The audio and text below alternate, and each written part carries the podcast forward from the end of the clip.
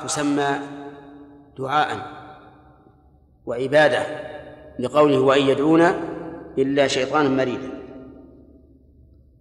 ومن فوائد هذه الآية الكريمة أيضا أن الشيطان يغوي بني آدم حتى يضلهم إلى هذا الحد فيجعلهم عبادا له. وقد سبق لنا هل كلمة مريد صفة كاشفة أو صفة مقيدة؟ بمعنى هل الشيطان كلهم مردة؟ هل الشياطين كلهم مردة؟ أو أنهم ينقسمون؟ نعم. ذكرنا في هذا القولين يحتمل أن هذا صفة كاشفة والمعنى أن كل شيطان فهو مريد ويحتمل أنها صفة مقيدة وأن الشياطين ينقسمون إلى مردة ودونه. ثم قال تعالى لعنه الله إلى آخره. من فوائد هذه الآية الكريمة أن الله لعن الشيطان. لقوله لعنه الله. ومن فوائد الآية الكريمة التحذير من الانصياع لأوامر من لعنه الله. لأن هذه الجملة كالتعليل لذمهم حينما عبدوا الشيطان. ومن فوائد هذه الآية الكريمة أن الشيطان أقسم بأن يتخذ من عباد الله نصيبا مفروضا. لقوله وقال لأتخذن من عبادك نصيبا مفروضا. ومن فوائدها أن إثبات القول للشيطان وأنه يقول كما أنه يفعل أيضا. وقد أخبر النبي صلى الله عليه وسلم أنه يأكل ويشرب بشماله فهو يقول ويفعل ويمني ويعد ويغر. ومن فوائد هذه الآية الكريمة أيضا أن نصيب الشيطان من عباد الله مفروض أي مقدر. لا بد أن يكون. وهذا كقوله تعالى في سورة هود. ولذلك خلقهم وتمت كلمة ربك لأملأن جهنم من الجنة والناس أجمعين. ثم قال ولأمنينهم ولآمرنهم ولأمنينهم نعم ولأضلنهم ولأمنينهم ولآمرنهم إلى آخره. من فوائد هذه الآية الكريمة أن الشيطان أقسم قسما مؤكدا أن يضل هؤلاء النصيب الذين فرضوا له. وهذا القسم له مدلول فيتفرع عليه أنه يجب علينا أن نحذر من وساوس الشيطان لأنها كلها ضلال. ومن فوائد الآية الكريمة أن هذا الإضلال الذي يقع من من الشيطان لبني آدم مصحوب بالأمنيات. بمعنى أنه يدخل عليهم الأماني وأنهم ينالون خيرا وأن المعاصي لا تضرهم وأن التوبة قريبة وما أشبه ذلك. ومن فوائد الآية الكريمة الحذر ممن يضلك ويدخل عليك الأماني الكاذبة. لأن الضلال كله شر. ومن فوائد الآية الكريمة تحريم قطع آذان الأنعام. إذا كانت على الوجه الذي يستعمله أهل الجاهلية. وقد سبق أن أهل الجاهلية يقطعون آذان الأنعام للإشارة إلى أنها محرمة مسيبة. فهل يقال بناء على ذلك لو أن الإنسان قطع آذان الأنعام لمصلحة دنيوية فهل يجوز أو لا؟ الجواب يجوز لأن هذا ليس ليس من أوامر الشيطان ومن فوائد الآية الكريمة أن الشيطان يأمر بني آدم فيغيرون خلق الله لقول فلا يغيرن خلق الله وهل المراد تغييرهم خلق الله تعالى بأن بالأنعام؟ أو هو عام؟ الصواب أنه عام وقد مر علينا ذلك في التفسير وأشرنا إلى حديث عبد الله بن مسعود. ومن فوائد الآية الكريمة أن الأصل في تغيير خلق الله إيش؟ المنع لأنه من أوامر الشيطان. وقولنا الأصل احترازا من تغيير خلق الله الذي أمر الله به. كحلق العانة والشارب ونتف الأبط وما أشبه ذلك. فإن هذا من التغيير ولكنه مأذون فيه فلا يدخل في أوامر الشيطان إذ أن الشيطان لا يأمر إلا بالفحشاء. وهل من تغيير خلق الله صبغ الشيء بالسواد؟ الجواب نعم. لأنه من تغيير لأن هذا الذي صبغ بالسواد أراد أن يعيد نفسه شابا. فيغير خلق الله من الشيخوخة إلى الشباب. ولهذا أمر النبي عليه الصلاة والسلام بتغيير الشيب بغير السواد. وهل يدخل في تغيير خلق الله الوشم والوشر والنمص؟ نعم كل هذا داخل. وهل يدخل في تغيير خلق الله حلق اللحية؟ نعم يحتمل أن يقال أنه داخل لا سيما إذا أصر الإنسان عليه وواظب عليه. ويحتمل أن يقال إن هذا ليس تغييرا لأن اللحية تنبت. وإذا كانت تنبت لم يغير الخلق. لكن غال لكن غالب الذين ابتلوا بحلق اللحية يستمرون عليه. فيكون عملهم هنا محاولة لتغيير خلق الله عز وجل. وقد صرح بعض العلماء بأن حلق اللحية من تغيير خلق الله. ومن فوائد هذه الآية الكريمة التحذير من اتخاذ الشيطان وليا. لقوله ومن يتخذ الشيطان وليا من دون الله فقد خسر. فإن قال قائل بماذا نعرف أن هذا الرجل موالي للشيطان أو لا؟ نقول كل من عصى الله فإنه موال للشيطان لكن الولاية قد تكون عامة وقد تكون خاصة. فإذا أطاع الشيطان في الكفر والشرك كانت الولاية عامة. وإذا أطاعه في معصية من المعاصي كانت خاصة. وليعلم أنه أنه يفوت من ولاية الإنسان لربه عز وجل إذا والى الشيطان بقدر ما والى به الشيطان. ومن فوائد الآية الكريمة بيان أن أكثر الخلق قد خسروا لأن أكثر الخلق قد اتخذوا الشيطان أولياء وليا من دون الله. ومن فوائد قوله يعدهم ويمنيهم إلى آخره التأكيد على التحذير من الشيطان ووعده وأمانيه. فيكون الجملة الأخيرة يعدهم ويمنيهم. تأكيد تكون تأكيدا لقوله يعدهم ويمنيهم. لا تأكيدا لقوله ولا ولا أمنينهم ولا آمرنهم فلا يبتكن هذا العام ومن فوائد الآية الكريمة التحذير من غرور الشيطان وإدخال الأماني والرجاء لقوله وما يعدهم الشيطان إلا غرورا.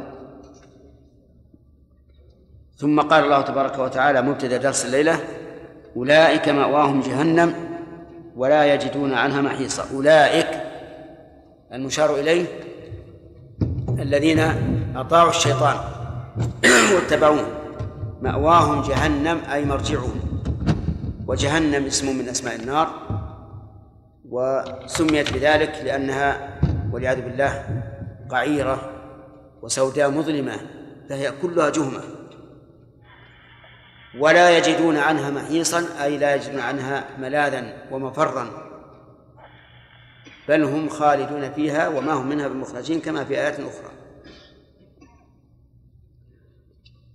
من فوائد هذه الآية الكريمة أن مرجع الطائعين للشيطان جهنم وأنه لا يمكن أن يخرجوا منها. ويحمل ذلك على من أطاعوه طاعة مطلقة. أما من أطاعوه في بعض المعاصي فإن فإن مذهب أهل السنة والجماعة أنهم لا يخلدون في النار وإنما يعذبون بقدر أعمالهم ثم يخرجون من النار. ومن فوائد الآية الكريمة إثبات جهنم وهي النار. لقوله أولئك مأواهم جهنم. ومن فوائدها أن أهل جهنم لا يمكن أن ينجوا منها. والمراد بأهلها الكفار الذين خرجوا من الإسلام إلى الكفر. ثم قال تعالى والذين آمنوا وعملوا الصالحات سندخلهم جنات تجري من تحتها الأنهار خالدين فيها أبدا وعد الله حقا ومن أصدق من الله قيلا. آه، مناسبة هذه الآية لما قبلها أن القرآن الكريم كان مثاني تثنى فيه المعاني. فإذا جاء الوعيد جاء الوعد.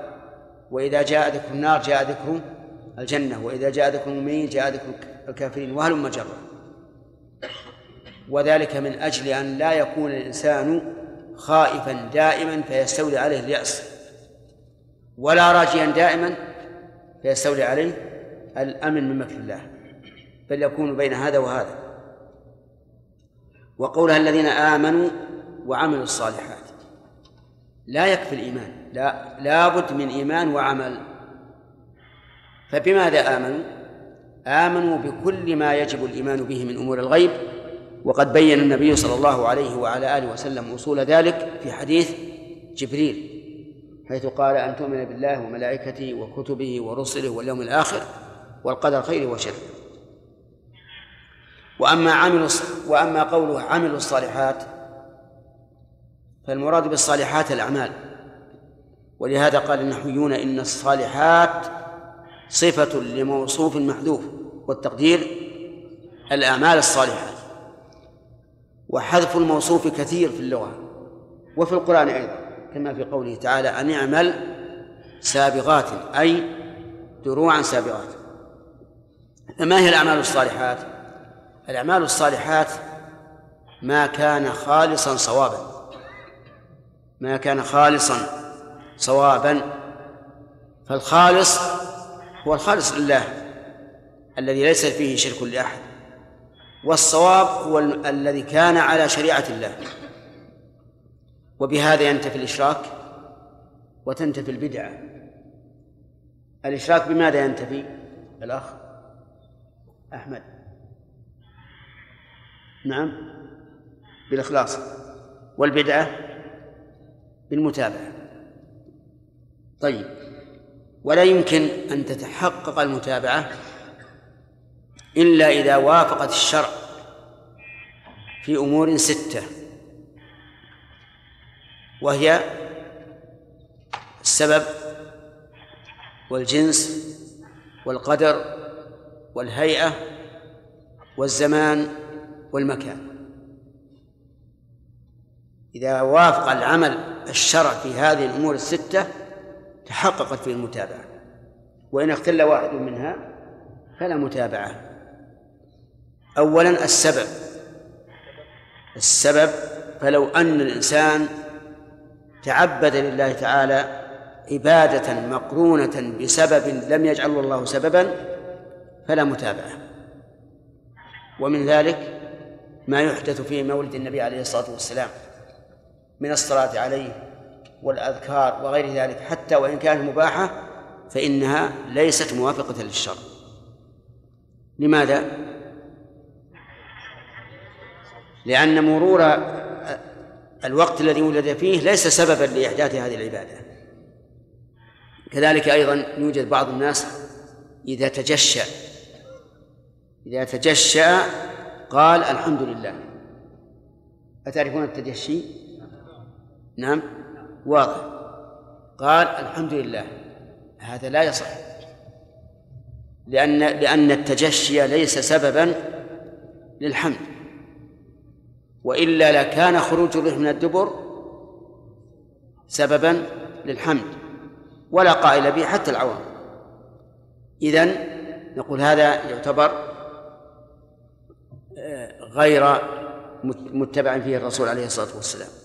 طيب بعض الناس إذا أهدي إذا أعطيته البخور قال اللهم صل على محمد. فجعل تبخره سببا للصلاة على النبي صلى الله عليه وعلى آله وسلم. فنقول هذا ليس فيه اتباع. لأن النبي صلى الله عليه وعلى آله وسلم كان يتطيب ولم ينقل عنه أنه كلما تطيب صلى على النبي. طيب. ومن ذلك أيضا إذا تثاءب. فإن بعض الناس إذا تثاءب يقول أعوذ بالله من الشيطان الرجيم وهذا ليس له أصل وليس من الشرع. لأن النبي صلى الله عليه وعلى آله وسلم دلنا على ما نفعله فيما إذا حصل التثاؤب. بأن يكظم الإنسان ما استطاع فإن لم يستطع فإنه يضع يده على فيه. هذا واحد. الثاني أن تكون العبادة موافقة للشرع في جنسها. فلو تعبد لله تعالى بشيء لم يتعبد الله عباده بجنسه فإنه لا يقبل ولا يكون من الشرع. مثالها أن يضحي أن يضحي بفرس. الفرس حلال. فلو ضحى به لم تقبل أضحيته. ليش؟ لأنه مخالف للشرع في جنسه إذ أن الأضاحي لا تكون إلا من بهيمة الأنعام. الثاني آه الثالث في قدرها. فلو أنه صلى أربعا صلى خمسا في رباعية أو أربعا في ثلاثية أو ثلاثا في ثنائية لم تصح عبادته. لأنه زاد على القدر المشروع. وكذلك لو توضأ أربع مرات فإن هذا هذه الزيادة لا يؤجر عليها لأنه زاد عن الأمر المشروع. وكذلك لو طاف ثمانية أشواط فالزائد لا ليس من الشر فلا يتاب عليه. الثالث هيئتها. الرابع الرابع هيئتها. بأن تكون على الهيئة التي وردت. فلو أن الإنسان صلى فسجد قبل أن يركع. وأتى بالركوع لكن بعد السجود. لم لم تقبل لأن لمخالفتها الشرع في هيئته. وكذلك لو توضأ منكسا فبدأ بغسل الرجل ثم مسح الرأس ثم غسل اليدين المرفقين ثم غسل الوجه. فإن هذا الوضوء لا يصح. طيب. الخامس الزمان. فلو أن الإنسان صلى قبل الوقت بدقيقة واحدة فصلاته غير صحيحة لأنها لم تكن في الوقت الذي عينه الشرع ولو ضحى الإنسان أي ذبح أضحيته في اليوم التاسع من ذي الحجة لم تقبل لأنها في غير الزمن الذي عينه الشرع السادس في مكانها. فلو اعتكف في بيته بدلا عن المسجد لم يقبل اعتكافه لأنه على غير الوجه المشروع. إذن العمل الصالح هو الذي توبع فيه النبي صلى الله عليه وسلم ولا تتحقق المتابعة حتى تكون العبادة على وجه الشرع في أمور ستة. طيب. وقول سندخلهم جنات. الجملة هذه خبر مبتدأ خبر الذين. والسين فيها للتحقيق والتقريب.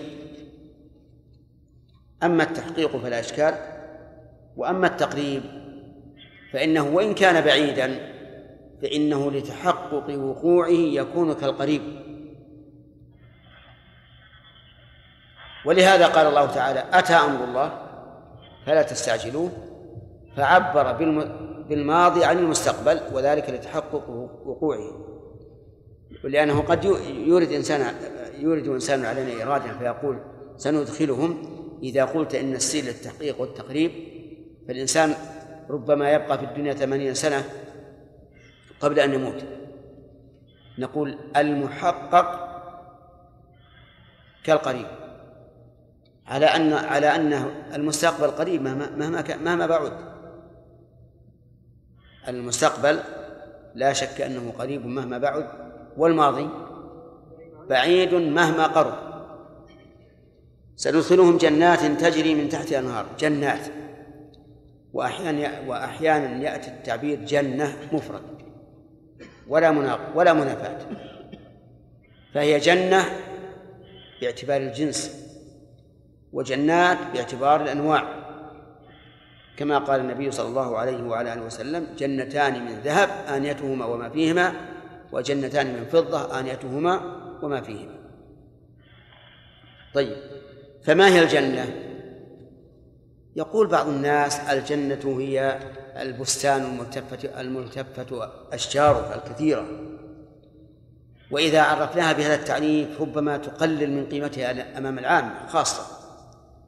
فنقول الجنات هي الدار العظيمة التي أعدها الله تعالى للمتقين التي فيها ما لا عين رأت ولا أذن سمعت ولا خطر على قلب بشر. وقول تجري من تحتها الأنهار من تحتها يعني من تحت أرضها؟ لا بل من فوق الأرض لكنها من تحت القصور والأشجار والماء المضطرد النهر المضطرد من تحت الأشجار والقصور يكون له منظر جميل جذاب. جعلنا الله وإياكم من أهلها بمنه وكرمه. سمي طاهر.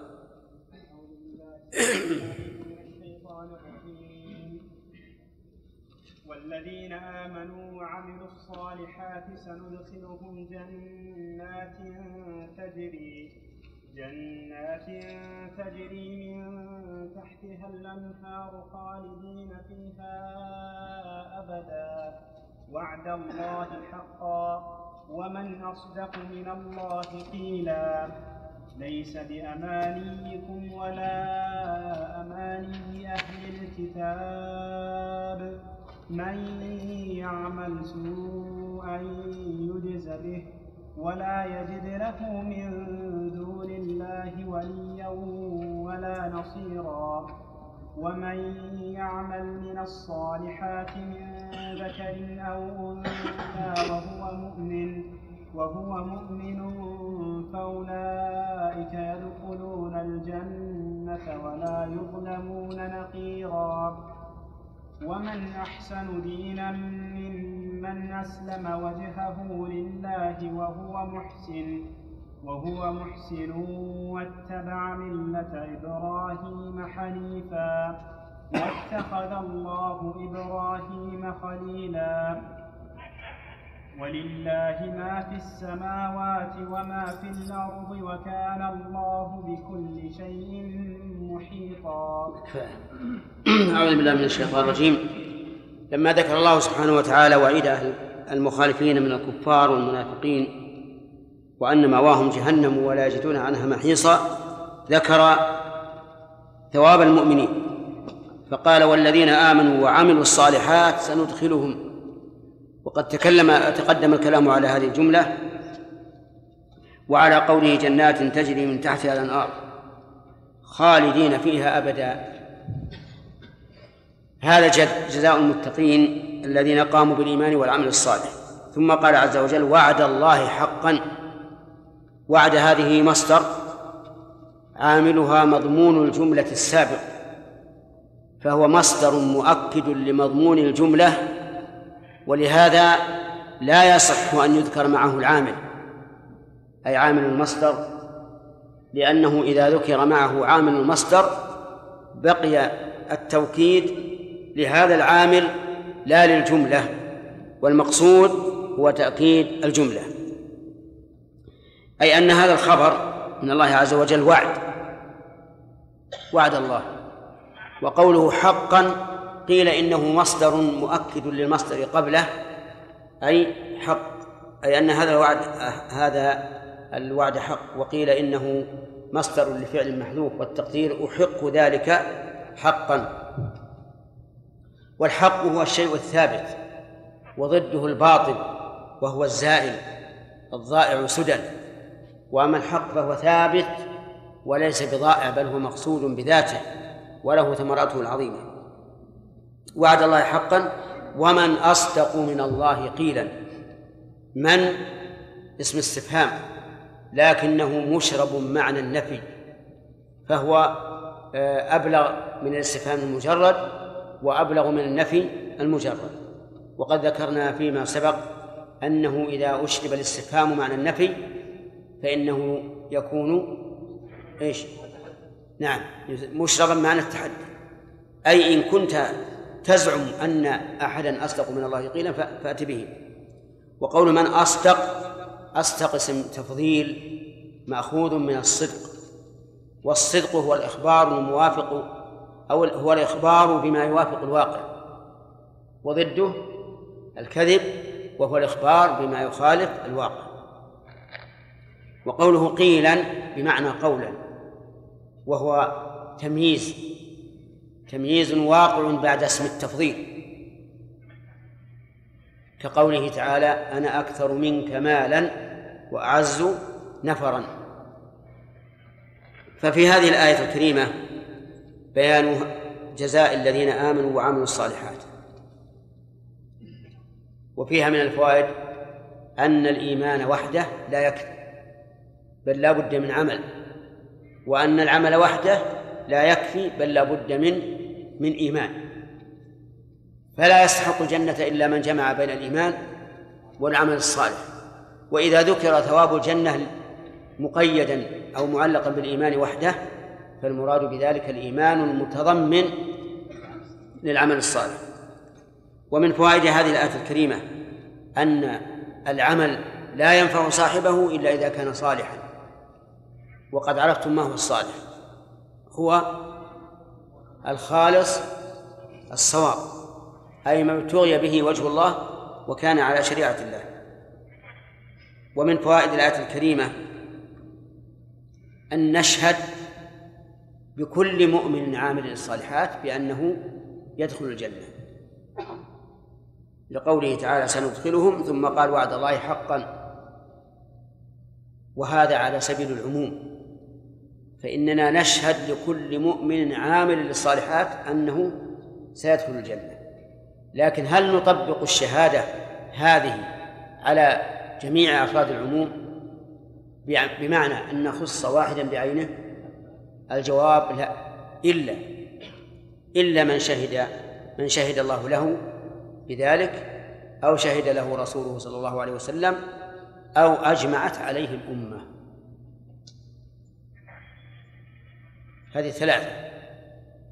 الأول من أخبر الله عنه بأنه من أهل الجنة والثاني من أخبر عنه الرسول عليه الصلاة والسلام والثالث من أجمعت الأمة عليه أي على الثناء عليه وأنه من أهل الخير وأهل الحق.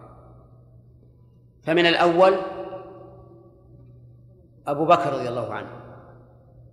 فإن قول الله تبارك وتعالى فأنذرتكم نارا تلظى.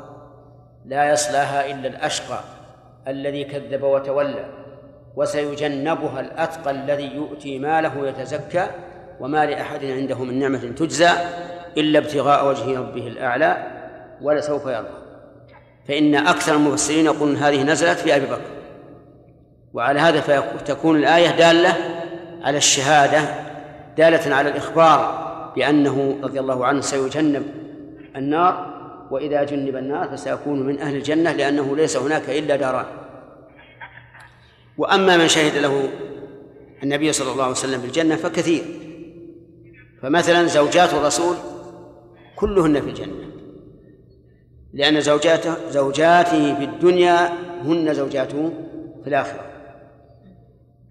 ومن ذلك أيضا العشرة المبشرون بالجنة. أبو بكر وعمر وعثمان وعلي وسعيد وسعد بن أبي وقاص إلى آخره. ومنه ثابت بن قيس بن شماس. فقد شهد له النبي صلى الله عليه وسلم بالجنة. ومنهم بلال شهد له النبي صلى الله عليه وسلم بالجنة. ومنهم عكاشة بن محصن شهد له النبي صلى الله عليه وسلم بالجنة. والأمثلة على هذا كثيرة. وأما ما أجمعت الأمة عليه فدليله أن النبي صلى الله عليه وسلم مرت به جنازة فأثنوا عليه خيرا فقال وجبت ثم مرت به أخرى فأثنوا عليها شرا فقال وجبت. قالوا ما وجبت يا رسول الله؟ قال أما الأول فأثننتم عليه خيرا فوجبت له الجنة وأما الثاني فأثنيتم عليه شرا فوجبت, فوجبت له النار. أنتم شهداء الله في أرضه ولكن من كان ظاهره الإيمان والعمل والعمل والعمل الصالح نقول إن من آمن وعمل صالحا فهو من أهل الجنة. ولا نقول هذا بعينه لأننا لا نعلم ماذا يختم له. نسأل الله أن يختم لنا ولكم بخير. لا يدري. فهذا الرجل الذي كان مع النبي صلى الله عليه وعلى آله وسلم في غزاة وكان بطلا شجاعا مقداما لا يدع للعدو شاذة ولا فاذة. فقال النبي صلى الله عليه وسلم هو من أهل النار. هو من أهل النار. وهو مجاهد جاهد. فعظم ذلك على الصحابة وشق عليهم. فقال رجل من الصحابة لألزمنه يعني ألازمه حتى أنظر ماذا تكون خاتمته. فلزمه. فأصاب هذا الرجل سهم من العدو فجزع جزعا شديدا. فسلت سيفه ثم وضعه على ذؤابته على صدره واتكأ عليه حتى طلع مع ظهره والعياذ بالله. ومات. فجاء الرجل الذي لزمه إلى النبي صلى الله عليه وعلى آله وسلم وقال أشهد أنك رسول الله. قال وبما؟ قال إن الرجل الذي قلت إنه من النار حصل عليه كيت وكيت. فقال عليه الصلاة والسلام إن الرجل انتبه لهذا إن الرجل لا يعمل بعمل أهل الجنة فيما يبدو للناس وهو من أهل النار. نعوذ بالله. لهذا لا يجوز أن نشهد لشخص بأنه في الجنة وإن كنا نرى أن أعماله عمل أهل الجنة. ومن فوائد هذه الآية الكريمة أن أن الله تعالى يقول أن الله يقول والقول هو لفظ مسموع. فيكون الله سبحانه وتعالى يقول قولا حقيقيا. قولا حقيقيا. وهل هو مسموع؟ الجواب نعم. وإلا لما كان قولا لأن القول الذي هو قول النفس لا بد أن يقيد كما في قوله تعالى ويقولون في أنفسهم لولا يعذبنا الله بما نقول. وأما إذا أطلق فالمراد به القول المسموع. وهذا هو مذهب أهل السنة والجماعة. أن الله تعالى يقول قولا مسموعا وأنه بصوت وأنه بحرف. وهذا لا يتضمن أي نقص ولا مماثلة بل هو كمال. وهناك مذاهب ذكرها ابن القيم راجعوها في مختصر الصواعق المرسلة بلغت ثمانية أقوال ثمانية مذاهب في كلام الله عز وجل. المشهور منها مذهب الأشاعرة أن القرآن أن كلام الله هو المعنى القائم بنفسه وأما ما يسمع فهو أصوات مخلوقة خلقها الله عز وجل لتعبر عما في نفسه. وقالت الجهمية بل كلام الله مخلوق. وإضافته إلى إلى الله تعالى من باب التشريف وليس من باب الوصف. فقالوا إن كلام الله كغيره من المخلوقات. فأيهم خالف السنة؟ كلاهما خالف السنة. والأشاعرة أبعد عن السنة من المعتزلة. لأن الجميع اتفقوا على أن ما يسمع فهو مخلوق. لكن المعتزلة قالوا هو كلام الله. والأشاعرة قالوا ليس كلام الله. بل هو عبارة عن كلام الله وكلام الله تعالى هو المعنى القائم بنفسه وعلى كلامهم يكون الكلام بمعنى العلم تماما. وهذا كله باطل. طيب من فوائد هذه الآية الكريمة؟ وصف كلام الله تعالى بالصدق. وصف كلامه وقوله بالصدق. بقوله ومن أصدق من الله قيلا. وهل يمكن أن يوصف بالكذب؟ كلا والله لا يمكن. فإن قال قائل أليس أهل البلاغة يقولون إن الخبر هو ما احتمل الصدق والكذب؟ قلنا بلى لكنهم يقيدون ذلك فيقولون ما احتمل الصدق والكذب لذاته أي بقطع النظر عن قائله فإن من القول ما يقطع بكذبه ومن القول ما يقطع بصدقه ولا يحتمل هذا ولا هذا. ومن ومن فوائد هذه الآيات الكريمة أنه يصح أن نضع اسم التفضيل بين أسماء الله بين صفات الله تعالى وصفات الخلق. فنقول كلام الله أصدق الكلام. كلام الله أصدق الكلام. علم الله إيش؟ أوسع العلوم. والله تعالى أعلم من غيره. وقد ظن بعض الناس أنك إذا قرنت الوصف باسم التفضيل فإنك قد مثلت الله. حتى ذهبوا يفسرون قول الله تعالى الله أعلم حيث يجعل رسالته وقوله تعالى وربك أعلم بمن في السماوات والأرض يفسرونها بأنه عالم. فيقول أعلم أي عالم. وسبحان الله فروا من النقص ولكنهم وقعوا في أنقص منه. لأن اسم التفضيل يدل على علو صفات الله وأنها أعلى الصفات وليس فيها نقص بوجه من الوجوه أعلم. هم يقولون عالم. وإذا قلت عالم لم يمنع المشاركة والمساواة. أليس كذلك؟ فإنك تقول عمرو عالم وزيد عالم ومحمد عالم وبكر عالم فيستوون. لكن هذا كله من يؤتى الإنسان من حيث يكون عنده عقيدة فيحاول أن يصرف النصوص إليها فيقع في الزيغ نسأل الله العافية. إذن أعلم في أسماء الله وصفاته. إيش؟ على بابها. أعلم على بابها.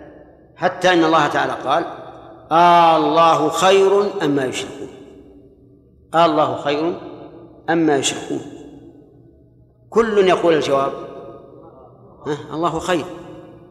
حتى المشركون في مع أصنامهم يقول الله خير.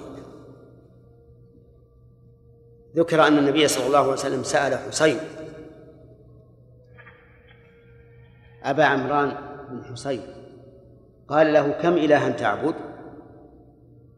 قال ستة خمسة في الأرض وواحد في السماء. قال من تعد لرغبتك ورهبتك؟ قال الذي في السماء. طيب كيف تعبد الآخرين؟ فهم يقرون بأن الله تعالى فوق كل شيء. حتى المشركون يقرون بذلك.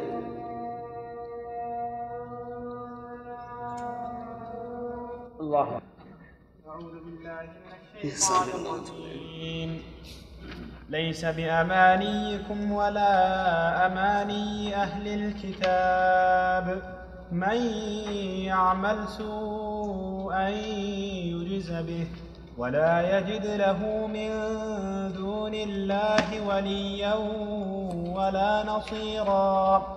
ومن يعمل من الصالحات من ذكر أو أنثى وهو مؤمن وهو مؤمن فأولئك يدخلون الجنة ولا يظلمون نقيرا. ومن أحسن دينا ممن أسلم وجهه لله وهو محسن واتبع ملة إبراهيم حنيفا واتخذ الله إبراهيم خليلا ولله ما في السماوات وما في الأرض وكان الله بكل شيء محيطا.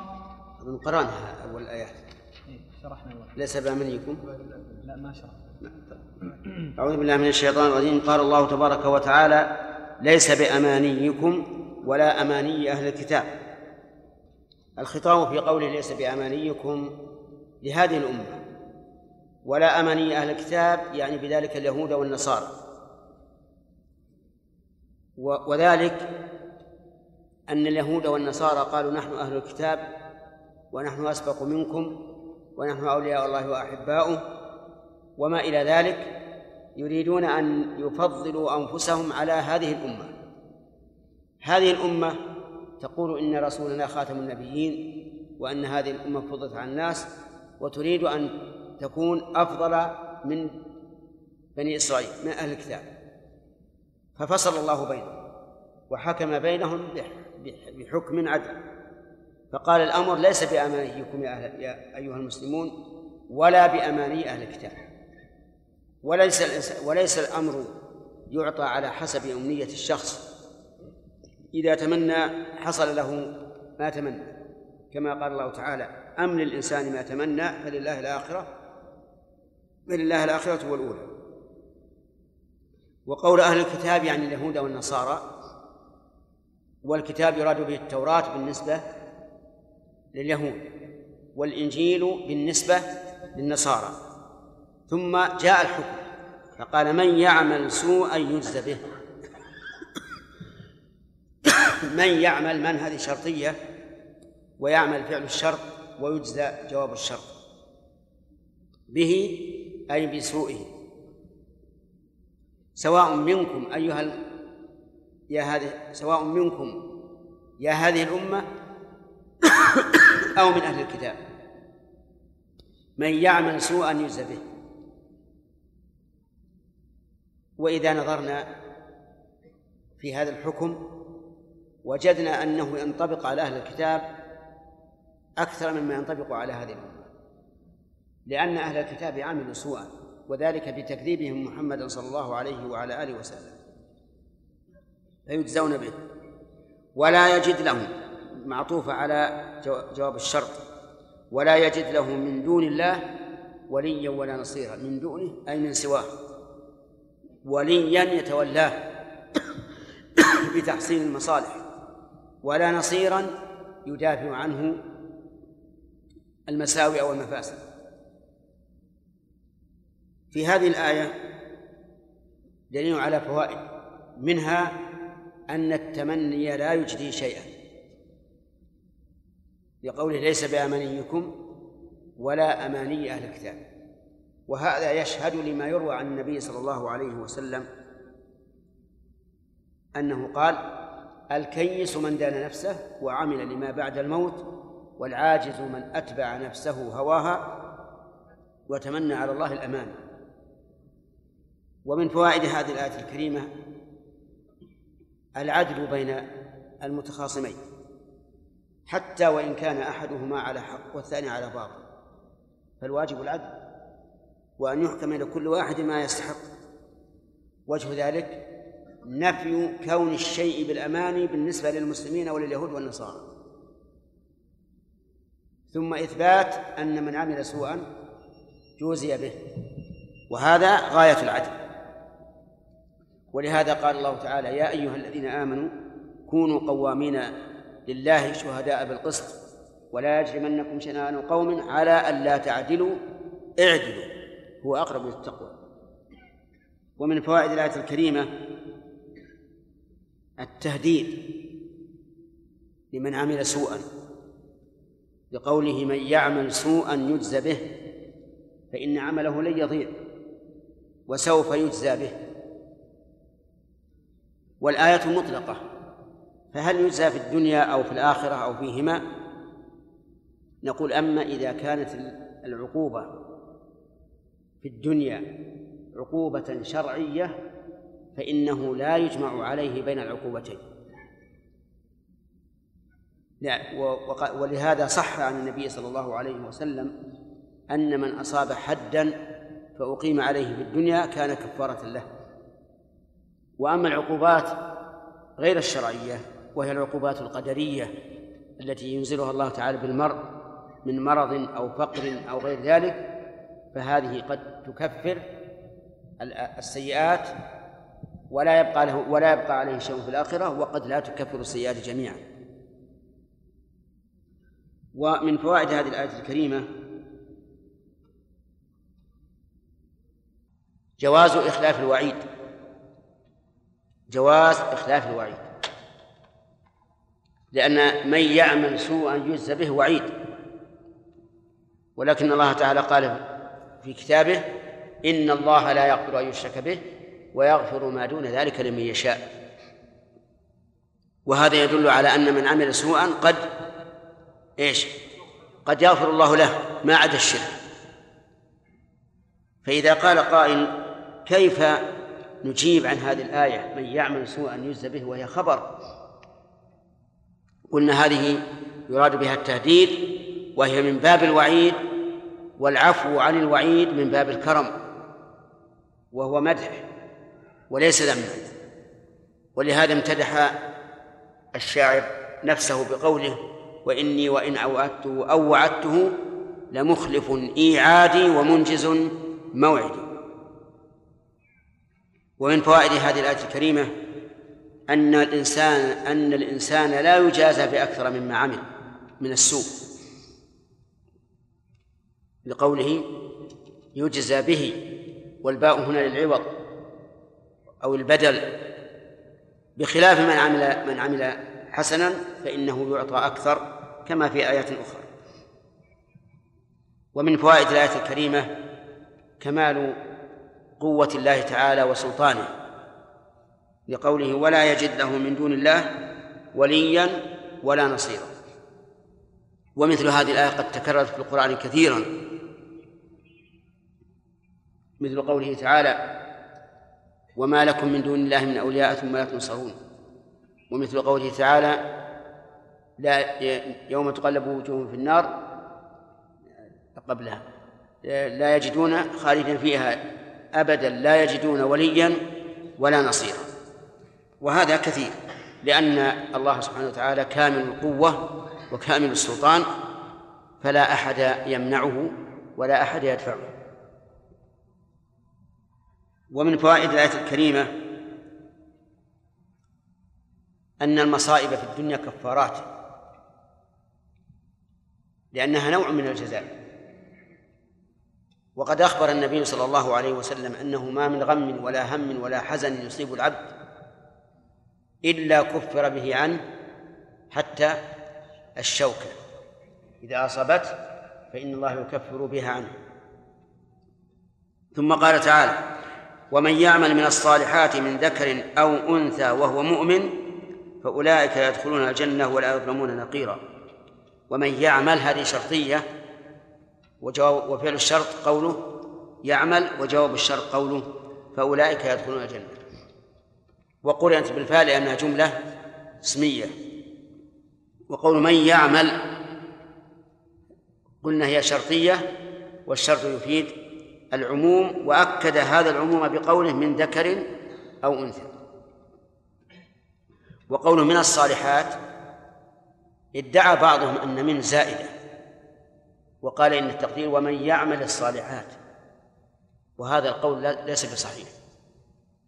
لأن من لا تزاد إلا في نفي أو شبهه كما قال ابن مالك رحمه الله وزيد في نفي وشبهه فجر نكرة كما لباغ من مفر.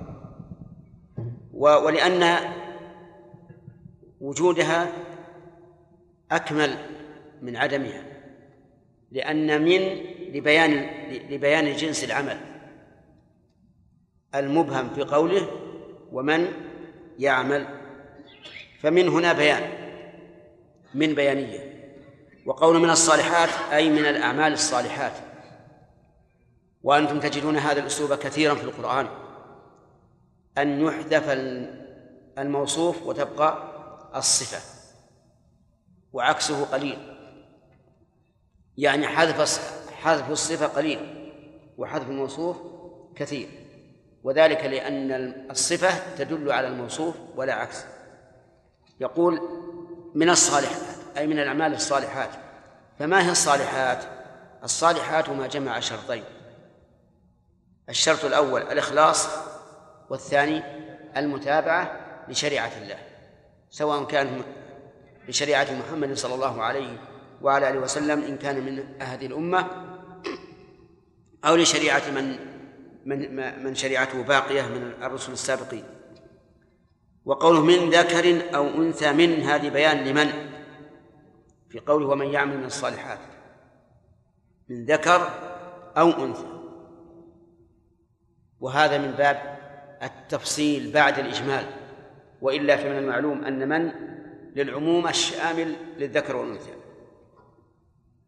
وقوله وهو مؤمن الجملة حالية. حال من فاعل يعمل.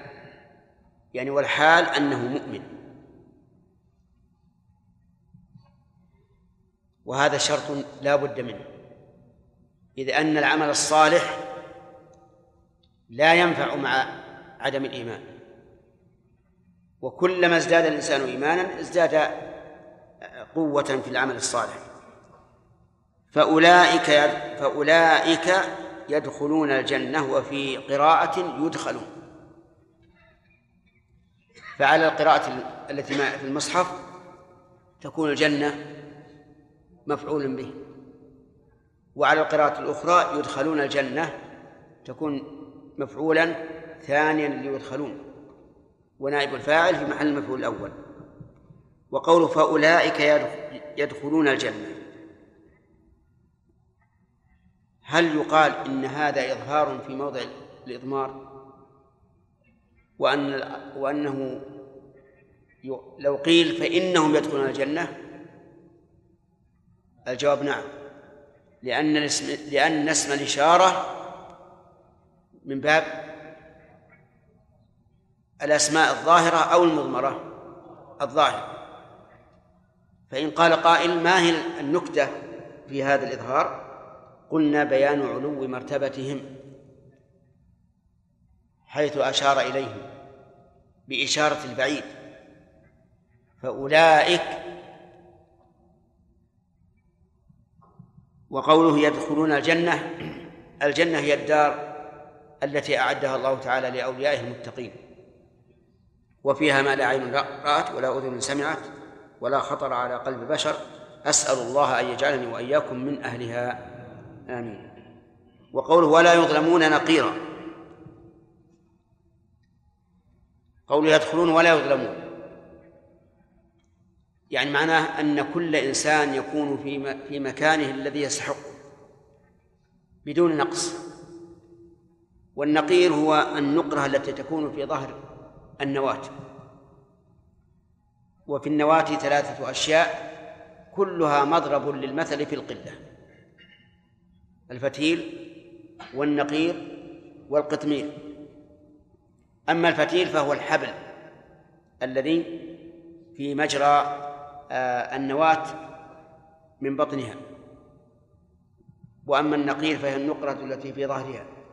وأما القطمير فهو إيش؟ الغشاء الذي يكون عليها. وكلها يراد بها ضرب المثل. وإنما قال الله تعالى يدخلون الجنة ولا يظلمون نقيرا لئلا يظن الظان أن الإنسان إذا كان في منزلة فربما ينزل من منزلته لسبب من الأسباب وليس الأمر كذلك. ونضرب لهذا مثلا وهو أن الله تعالى قال والذين اتب والذين آمنوا واتبعتهم ذريتهم بإيمان ألحقنا بهم ذريتهم وما ألتناهم من عملهم من شيء. الذرية هنا المراد من يتبعون آباءهم. وهم الصغار. هؤلاء يتبعون آباءهم. إذا كانت إذا كانت منزلة الابن أدنى مرتبة من منزلة الأب فإن الإب فإن الابن يرقى إلى منزلة الأب. ولا ينزل الأب في مقابلة ترقية الابن. يعني ما يقال مثلا إذا كانت المسافة عشرين درجة ينزل الأب عشر درجات ويصعد الابن الابن عشر درجات. لا بل يرفع الابن عشر درجة عشرين درجة ويلتحق بالأب بدون نقص على الأب.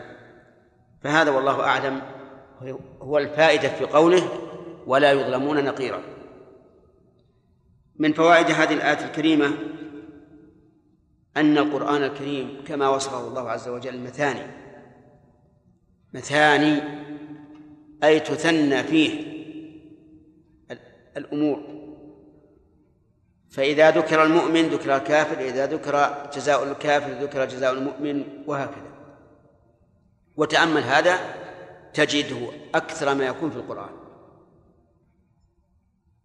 والحكمة من ذلك أن يكون الإنسان سائرا إلى الله بين إيش؟ بين الخوف والرجاء.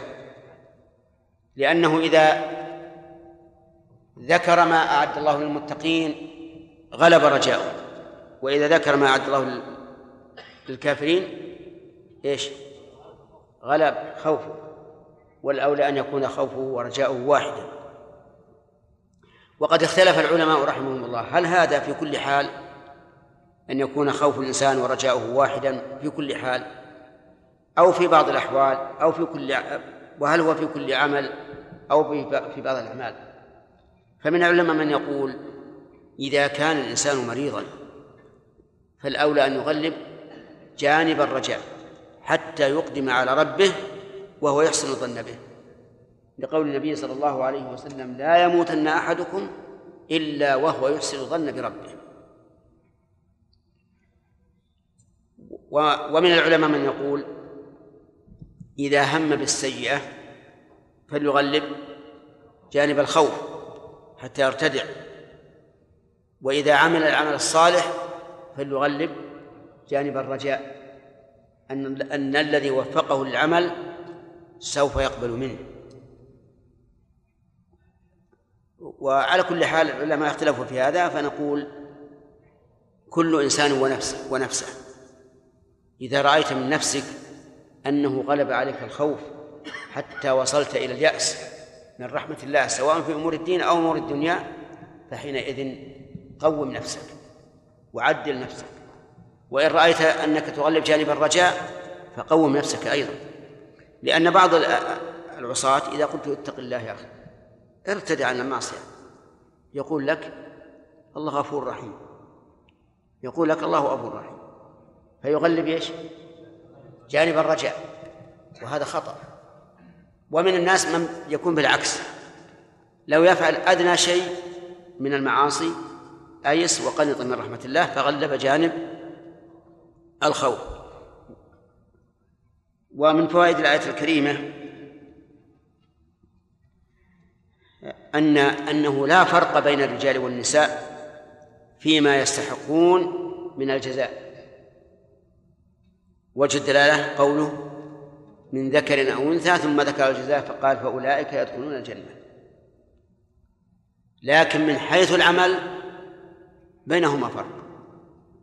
لقول النبي صلى الله عليه آله وسلم ما رأيت من ناقصات عقل ودين أذهب للب الرجل الحازم من إحداكم. ثم فسر نقصان دينها بأنها إذا حاضت لم تصلي ولم تصم أما الجزاء على العمل فهما سواء. ومن فوائد الآية الكريمة أنه لا بد لقبول العمل من أن يكون صالحا. يقول ومن يعمل من الصالحات. فإن كان فيه شرك لم يقبل. لماذا؟ لفوات الشر وهو الإخلاص. ولهذا قال الله تعالى في الحديث القدسي أنا أغنى الشركاء عن الشرك من عمل عملا أشرك فيه معي غيري تركته وشركه ومن عمل عملا مبتدعا بإخلاص تام لكن ليس على شريعة الرسول فإنه لا يقبل منه لأن فيه لأنه على غير على غير الاتباع. وقد قال النبي صلى الله عليه وعلى آله وسلم من عمل عملا ليس عليه أمرنا فهو رد. ومن فوائد هذه الآية الكريمة أنه لا بد أن يكون العمل الصالح مبنيا على إيمان. إيمان لا لا شك معه. لقوله وهو مؤمن.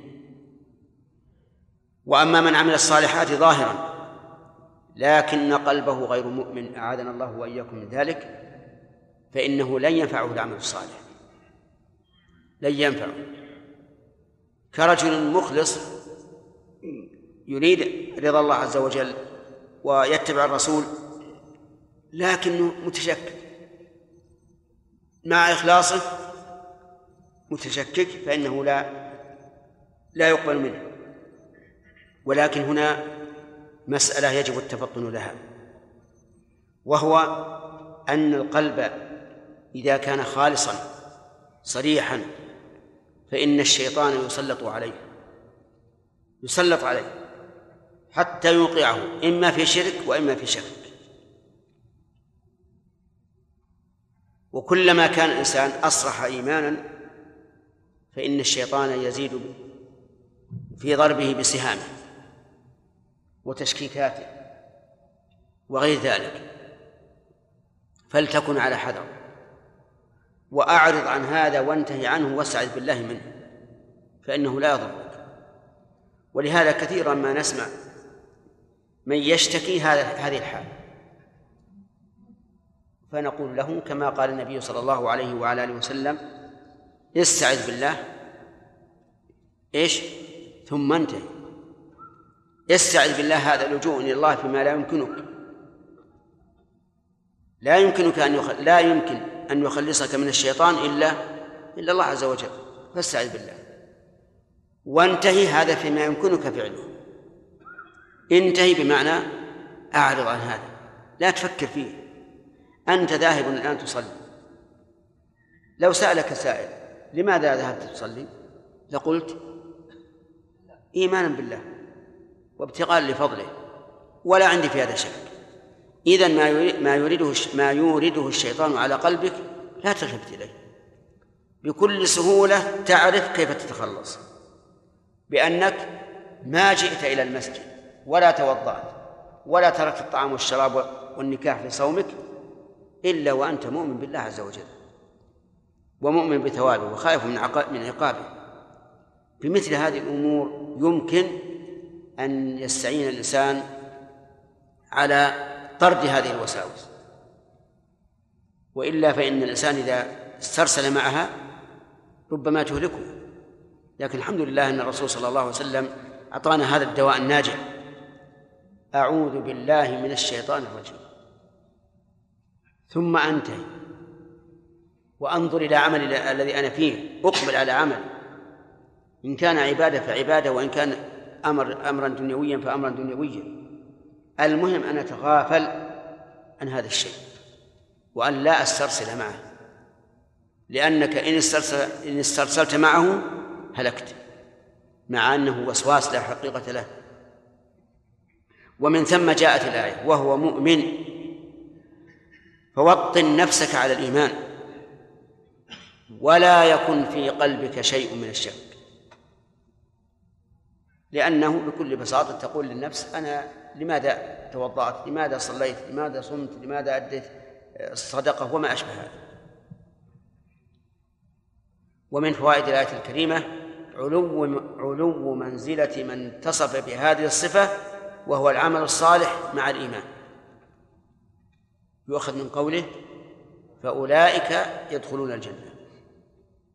ومن فوائد هذه الآية الكريمة أن أنه يجوز لنا أن نشهد لكل من آمن لكل من عمل صالحا وهو مؤمن أنه في الجنة. لأن هذا خبر من الله والله تعالى لا يخلف. فإن قال قائل وهل نشهد لكل واحد بعينه؟ فالجواب لا. لأن هناك شا... هناك فرقا بين العموم والخصوص وبين الإطلاق وبين الإطلاق والتقييد. فلا نشهد لأحد بعينه إلا من شهد من شهد له رسول الله صلى الله عليه وسلم بذلك أو شهد له الله.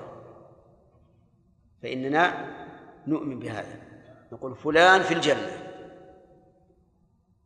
فمثلا أزواج الرسول عليه الصلاة والسلام هل نشهد أنهن, أنهن في الجنة؟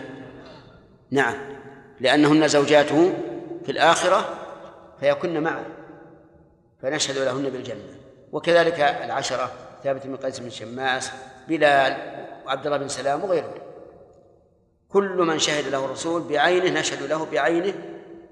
وأما إذا لم يشهد له بعينه فإننا نشهد له على سبيل العموم. كذلك الكفر نفس الشيء.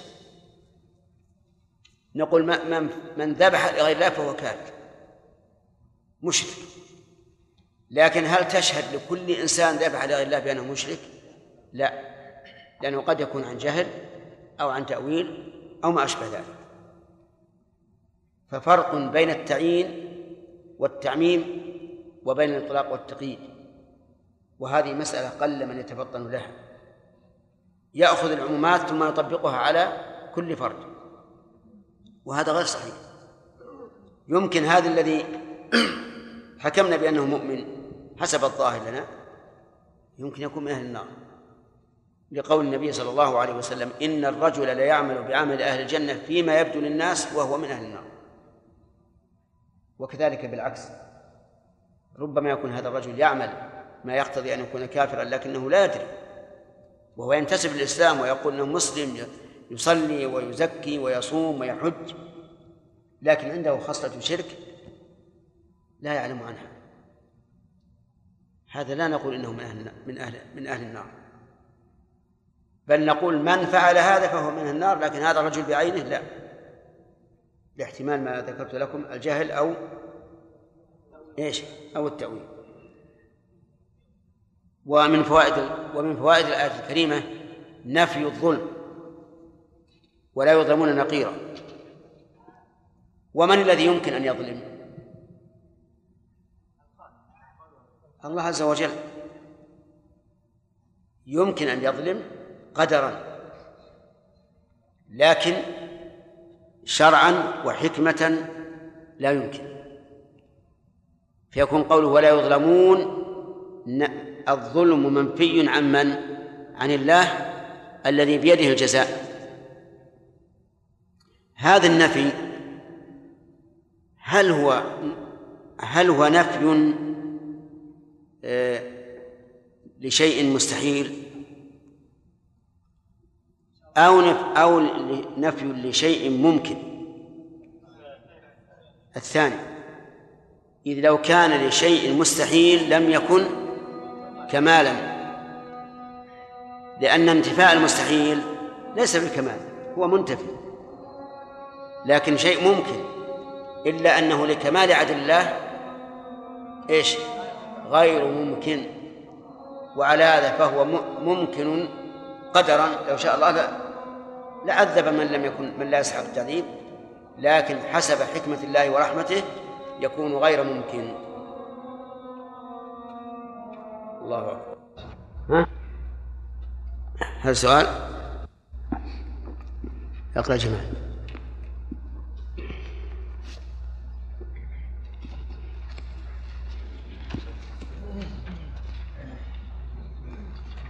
أعوذ بالله من الشيطان الرجيم. ومن أحسن دينا ممن أسلم وجهه لله وهو محسن واتبع ملة إبراهيم حنيفا واتخذ الله إبراهيم خليلا. ولله ما في السماوات وما في الأرض وكان الله بكل شيء محيطا. ويستفتونك في النساء قل الله يفتيكم فيهن وما يتلى عليكم في الكتاب في يتامى في يتامى النساء اللاتي لا تؤتونهن ما كتب لهن وترغبون أن تنكحوهن وترغبون أن تنكحوهن والمستضعفين الوقف أولى هنا. ترغبون أن تنكحوهن. وترغبون أن تنكحوهن. والمستضعفين من الولدان وأن تقوموا لليتامى بالقسط. وما تفعلوا من خير فإن الله كان به عليما. أعوذ بالله من الشيطان الرجيم. قال الله تبارك وتعالى ومن أحسن قولا ومن أحسن دينا ممن أسلم وجهه لله وهو محسن واتبع ملة إبراهيم حنيفا واتخذ الله إبراهيم خليلا. من هنا؟ اسم استفهام. والمراد به النفي. وقد قلنا عدة مرات أن النفي إذا جاء بصيغة الاستفهام كان أبلغ مما لو أتى بصيغة النفي الصريحة. وذلك لأنه إذا أتى بصيغة الاستفهام صار مشربا معنى التحدي أي كأن المتكلم يقول ائتني بأحسن من كذا ائتني بأظلم ممن افترى على الله كذبا وما أشبه ذلك. وقوله دينا هنا منصوب على التمييز لأنه وقعت بعد اسم التفضيل. فإذا قال قائل هي تمييز لأي شيء قلنا لكلمة أحسن لأن أحسن مبهمة.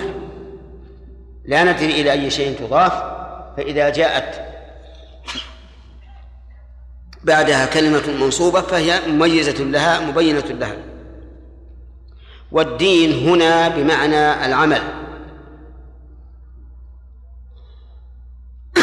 وإنما قلنا ذلك لأن الدين يطلق بمعنى الجزاء.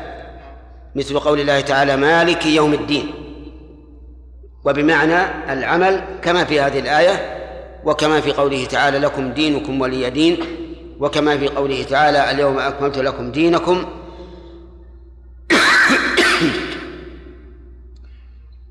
يقول إذا دينا أي عملا.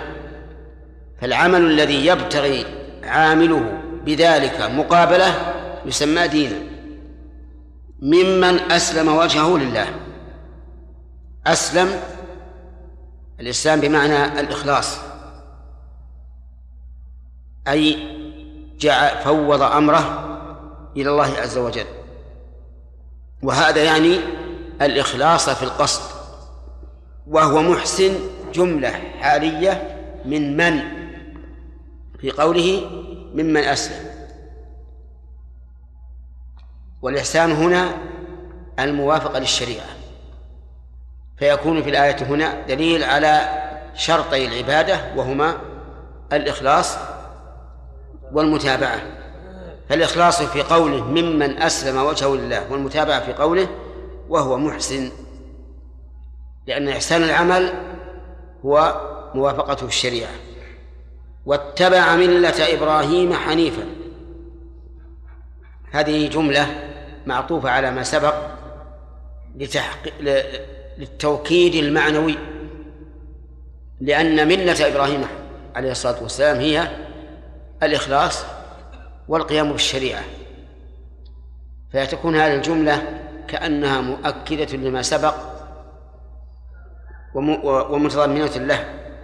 وقوله إبراهيم هو أبو الأنبياء لأن الأنبياء من بعده كانوا من ذريته. وفيها قراءتان إبراهيم وإبراهام أي إبدال الياء ألفا. وإذا أبدلت الياء ألفا لزم فتح الهاء. وقوله حنيفا يحتمل أن يكون حالا من فاعل تبع وأن يكون حالا من إبراهيم.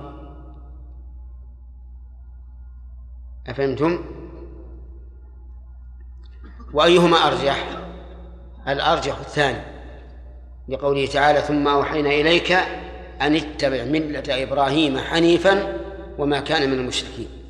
ومن المعلوم أنه إذا كان إبراهيم حنيفا وأمرنا باتباع ملته فإننا سوف نكون حنفاء. واتخذ الله إبراهيم خليلا. الواو هنا استئنافية وليست عاطفة فكأنه عز وجل استأنف ليبين مرتبة إبراهيم الذي أمرنا باتباعه بأن الله اتخذه خليلا. والخليل هو من هو ذو المحبة الخالصة وسمي بذلك لأن المحبة شملت جميع جسده حتى تخللت عروقه. وبذلك يقول وفي ذلك يقول الشاعر قد تخللت مسلك الروح مني وبذا سمي الخليل خليلا. في هذه الآية فوائد. أولا الحث على الإخلاص. وأن المخلص المتبع للشريعة نعم الحث على الإخلاص لقوله ممن أسلم وجهه لله.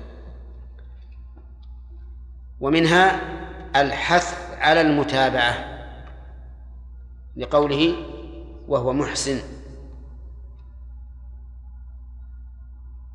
ومن فوائدها أنه لا أحد أحسن دينا ممن هذا وصفه. وعلى هذا فلو قال النصارى إنهم أحسن دينا من المسلمين. ماذا نقول؟ نقول هذا هذا كذب. لأنه فقد منهم الإخلاص والمتابعة جميعا. فالنصارى معلوم أنهم يقولون بالتثليث وهم أيضا لم يتبعوا شريعة الله حيث كفروا بمحمد صلى الله عليه وعلى آله وسلم. ومن فوائد الآية الكريمة فضيلة إبراهيم عليه الصلاة والسلام حيث أمرنا باتباعه وهذا يعني أنه إمام.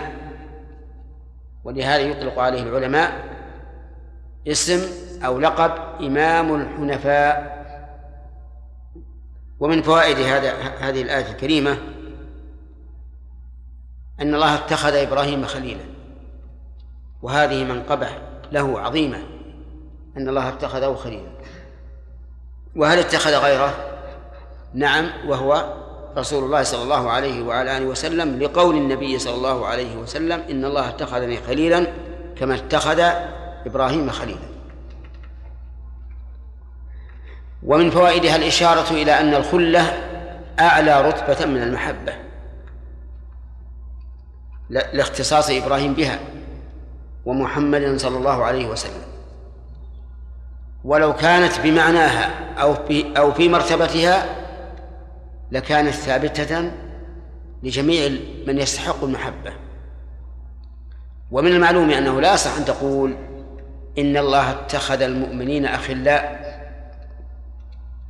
لأن الخلة خاصة. ومن ثم نعلم خطأ من يقول إبراهيم الخليل ومحمد الحبيب. لأن هذا تنقص للرسول عليه الصلاة والسلام حيث أنزل مرتبته من الخلة إلى إلى المحبة التي يشترك فيها حتى المؤمن. المتقي المقصد الصابر. ومن فوائد الآية الكريمة إثبات أفعال الله عز وجل بقوله واتخذ واتخذ الله إبراهيم خليلا. والاتخاذ حادث بعد وجود سببه. وهذه ما يعبر عنها أهل العلم بقيام الحوادث بالله عز وجل أي بأنه تبارك وتعالى يفعل ما يريد متى شاء خلافا لمن قالوا إنه لا تقوم به الأفعال الاختيارية وأنه لا يتجدد لا يتجدد له فعل لا كلام ولا خلق ولا غيره. ولا شك أن هذا قول باطل ومضمونه نقص الله عز وجل حيث لا يفعل ما يشاء متى شاء. ثم قال عز وجل ولله ملك السماوات والأرض ولله ما في السماوات وما في الأرض وكان الله بكل شيء محيطا. سبحانه وتعالى. لله ما في السماوات. الجملة هذه خبرية. مكونة من مبتدأ وخبر. قدم فيها الخبر لفائدة الحصر. ولله ما في السماوات. لا يشرك لا يشركه أحد في ذلك. قل ادعوا الذين زعمتم من دون الله لا يملكون مثقال ذرة في السماوات ولا في الأرض. وما لهم فيهما من شرك. وما له منهم من ظهير. ولا تنفع الشفاعة عنده إلا لمن أذن له. فلله ما في السماوات وما في الأرض. وهنا قال ما في السماوات. ولم يقل من في السماوات. قال بعضهم تغليبا لغير العقلاء لأن من في اللغة العربية يؤتى به للعقلاء أي لذوي العقول وما لغير العقلاء.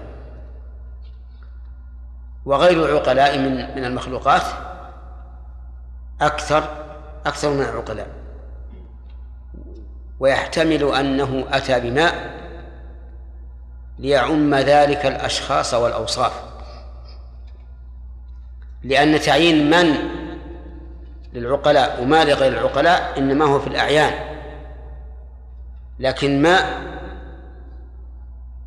للأعيان والأوصاف. ألا ترى إلى قوله تعالى فانكحوا ما طاب لكم من النساء؟ حيث قال ما ومعلوم أن النساء من ذوي العقل من ذوي العقول. لكن لما كانت المنكوحة لا تنكح لعينها إنما تنكح لما قام بها من أوصاف والأوصاف معاني وليست وليست عقلا. قال فانكحوا ما طاب لكم من النساء. وهذا القول أرجح من القول الأول أعني أن ماء في السماوات إنما أتت بماء إنما أتى بماء دون من؟ ليعم إيش؟ الأشخاص والأوصاف. نعم. ما في السماوات وما في الأرض. في بعض الآيات يقول ما في السماوات والأرض. والظاهر والله أعلم أن هذا من باب تنوع السياق والأساليب لأن المعنى لا يختلف إذ أن المعطوف له حكم المعطوف عليه فإذا قال ما في السماوات والأرض فهو كما لو قال ما في السماوات وما في الأرض. والتنوع في السياق جاء في القرآن كثيرا كما يظهر للإنسان عندما يتلو القصص التي وردت في القرآن لعدة رسل يجد اختلاف التعبير كثيرا. وما في الأرض؟ وكفى وكان الله بكل شيء محيطا. كان الله محيطا بكل شيء. كان هنا منزوعة الدلالة على الزمان. لأنها لو بقيت دالة على الزمان لكانت إحاطة الله تعالى بكل شيء إحاطة سابقة ماضية مع أنه لا يزال لم يزل ولا يزال محيطا بكل شيء. ولكنها تأتي هنا في مثل هذا السياق لبيان ثبوت الحكم. لبيان ثبوت الحكم. فيكون هذا كقوله تعالى وكان الله غفورا رحيما ليس المعنى أن الله تجدد له المغفرة والرحمة. وكان الله عليما حكيما ليست ليس العلم والحكمة يتجدد له. ولا يأس ماضيا فقد بل هذا ليش؟ لتوكيد اتصافه بهذا الوصف. وقوله بكل شيء محيطا أي إحاطة؟ أسألكم. كل شيء. محيطا به علما وقدرة وسمعا وبصرا وتدبيرا وغير ذلك من معاني ربوبيته عز وجل. في هذه الآية الكريمة عموم عموم عموم ملك الله تؤخذ عقيل لا. من ماء الموصولة لأن ما الموصول؟ لأن جميع أسماء الموصول تفيد العموم. ومنها اختصاص ما ملك ما في السماوات والأرض بالله عز وجل. بالسلام.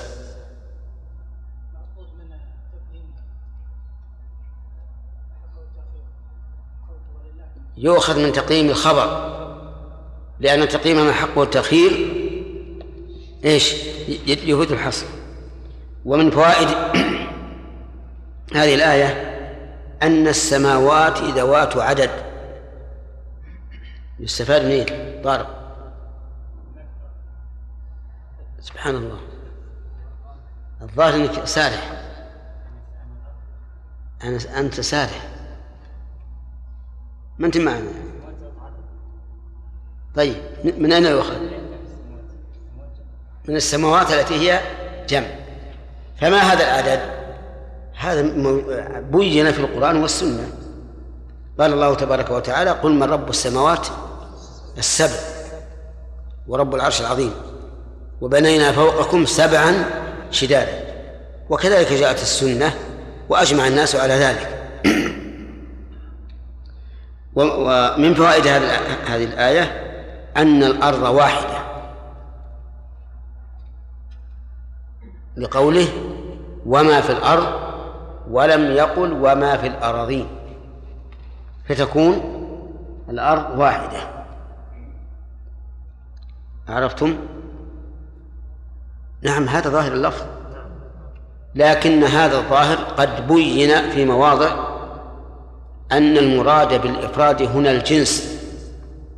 لا الوحدة أي جنس الأرض. وجاءت السنة صريحة بأن الأراضين سبع. وجاء القرآن ظاهرا بأن الأراضين سبع. ففي السنة من اقتطع شبرا من الأرض ظلما طوقه يوم القيامة من سبع أراضين. وفي القرآن في ظاهره الله الذي خلق سبع سماوات ومن الأرض مثلهن. فالمماثلة هنا يحتمل أن تكون في الصفة ويحتمل أن تكون في العدد. والاحتمال الأول ممتنع لظهور الفرق بين السماوات والأرض. فيبقى الاحتمال الثاني وهو المماثلة في العدد. من فوائد الآية الكريمة إحاطة الله تعالى بكل شيء. لقوله وكان الله بكل شيء محيطا. يترتب على هذه الفائدة فائدة مسلكية مهمة وهي أنك إذا علمت إحاطة الله بكل شيء خفت منه وخشيته وراقبته لأنه مهما مهما كنت في أي مكان فالله محيط بك. فإذا آمنت بهذا خفت رب العالمين. المحيط بكل شيء. هل ينبني على على ذلك خوف الله في القلب؟ نعم.